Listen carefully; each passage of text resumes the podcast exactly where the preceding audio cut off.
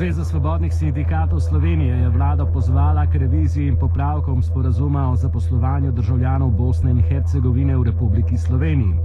Poslušajmo najprej, kaj je ob sklenitvi sporazuma leta 2011 o njem povedal takratni resorni minister Ivan Svetlik. Tem sporazumom želimo z Bosno in Hercegovino, ki je naša največja partnerica na področju zaposlovanja in s katero imamo izmenjavo, da tako rečem, uh, trenutno okrog 38 tisoč delavcev, da s to državo res uredimo zaposlovanje tako, da bo v korist uh, obema državama, seveda pa predvsem v korist delavcem, ki prihajajo v največjem številu prav iz Bosne in Hercegovine.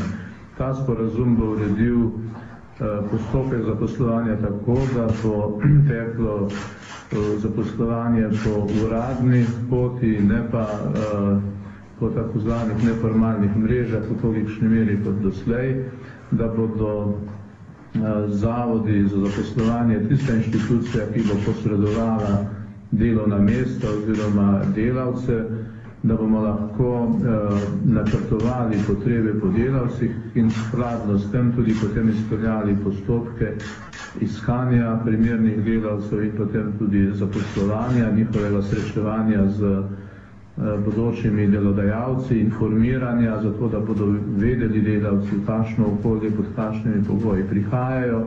In ta sporazum seveda ureja tudi potem uh, vse postopke, ko gre za pridobivanje uh, ustreznih dovoljen za delo in tudi za vračanje delavcev, ki uh, želijo potem zapustiti uh, slovenski trg dela oziroma če na tem trgu več dela nimajo.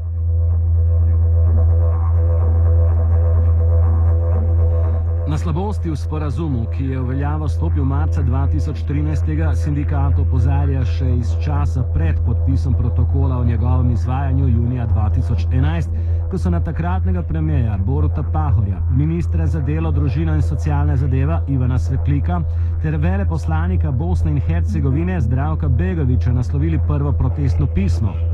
V njem so od vlade Bosne in Hercegovine zahtevali takošno ratifikacijo sprememb sporazuma o socialnem zavarovanju, ki delavcem iz Bosne in Hercegovine daje pravico do izplačila nadomestila za brezposobnost. Poleg tega je Zveza svobodnih sindikatov Slovenije takrat zahtevala odpravo obveznosti o šestmesečni prekinitvi zakonitega prebivanja v Sloveniji, ki predstavlja oviro pri pridobitvi dovoljenja za stalno prebivanje.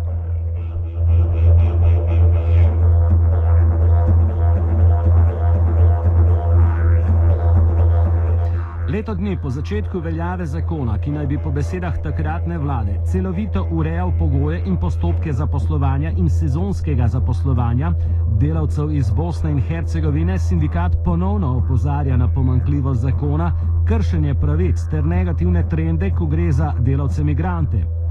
Goran Lukič je opozoril na izredno slabe scenarije in posledice v primerih odpovedi pogodbe o zaposlitvi strani migranskih delavcev v 16. členu, torej v sporozumu o zaposlovanju med Slovenijo in Bosno, je zapisano, da v primeru odpovedi pogodbe o zaposlitvi strani delavca migranta, eh, v primeru sporozuma odpovedi in tako naprej, eh, v prvem letu zaposlitve mora delodajalec o tem pisno obvestiti pristojnega nosilca, ki sproži vse potrebne postopke za prenehanje veljavnosti dovoljenja in vrnitev delavca migranta v državo izvora.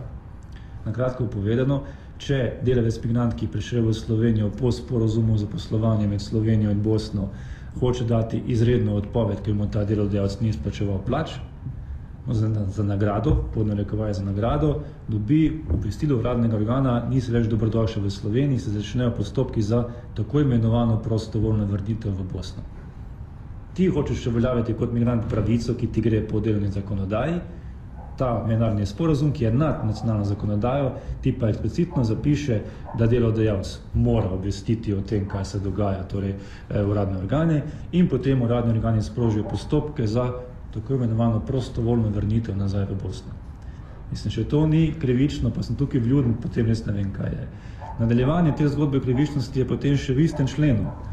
Po prvem letu zaposlitve bi šlo pričakoval, kao, da se potem stvari izboljšajo. Na papirju sicer vse, ampak Ta oseba po prvem zaposlitvi se mora v primeru odpovedi pogodbe o zaposlitvi s strani delavca migranta v 30 dneh ponovno vključiti v socialno zavarovanje. Poprečna dolžina brezposobnosti Slovenije je zagotovo dlje kot 30 dni. Sedaj se pa imigrantu nalaga, torej v prvem letu, če daš izredno odpoved, adijo, po prvem letu, če daš izredno odpoved, štiri tedne časa imaš, da dobiš novega delodajalca. In seveda, kaj potem to pomeni za samega imigranta, ne mogoče izbirati.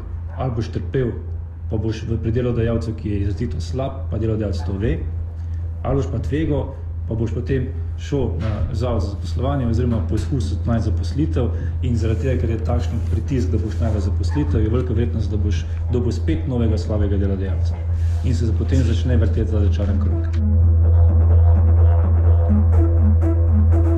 Kompleksnost tako imenovanih prostovoljnih vrnitev Lukič komentira takole. Prostovoljna vrnitev traja šest mesecev in potem se seveda navezuje tudi na ostale pravice, ki izhajajo iz zakona o tujcih in dostop do stalnega bivanja. Skratka, prva stvar, šest mesecev prostovoljne vrnitve, naj se prekleto razmisli oziroma naj se celo tudi ukine. In druga stvar, naj se celoten sporozum, kot smo že rekli, ponovno odpre. Svoj lonček k negativnim trendom v povezavi z delovskimi imigranti vedno znova pristavljajo tudi slovenski delodajalci. Delavec je v Srbiji eh, prodal traktor, da je lahko za sebe in za svojega sina kupil slovenske papirje. Vodna rekova je kupil slovenske papirje za eno leto. S tem posrednikom, kakorkoli že imenujemo, delodajalcem podpišete pogodbo za eno leto, po prihodu Slovenija pa podpišete potem cel kup krajših pogodb. Torej, na začetku podpiše za eno leto, ko dobi za eno leto, mu kar nekaj delodajalc da verigo po eh, pogodbo za en mesec. In potem čez dva meseca ga je na prehodu za pešce predhodno Luko Koper povozil tovrnjak. Medtem ko so se borili zdravniki za njegovo življenje, on je bil tudi v komi v tem času dva tedna, eh, zaradi hudi poškodb glave, je delodajalec to izkoristil in odjavil iz zavarovanja tako njega, kot njegovega sina, ki je v tem podjetju delal.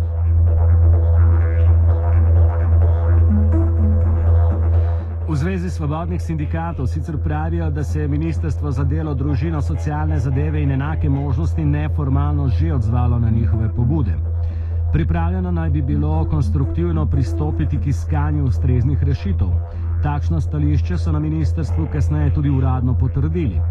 Ob tem so sporočili, da je v programu dela ministrstva v letošnjem letu tudi priprava novega zakona o zaposlovanju, samo zaposlovanju in delu tujcev. Ob pripravi zakona pa bodo ponovno preučili tudi vsebino omenjenega sporazuma in predlagali morebitne popravke.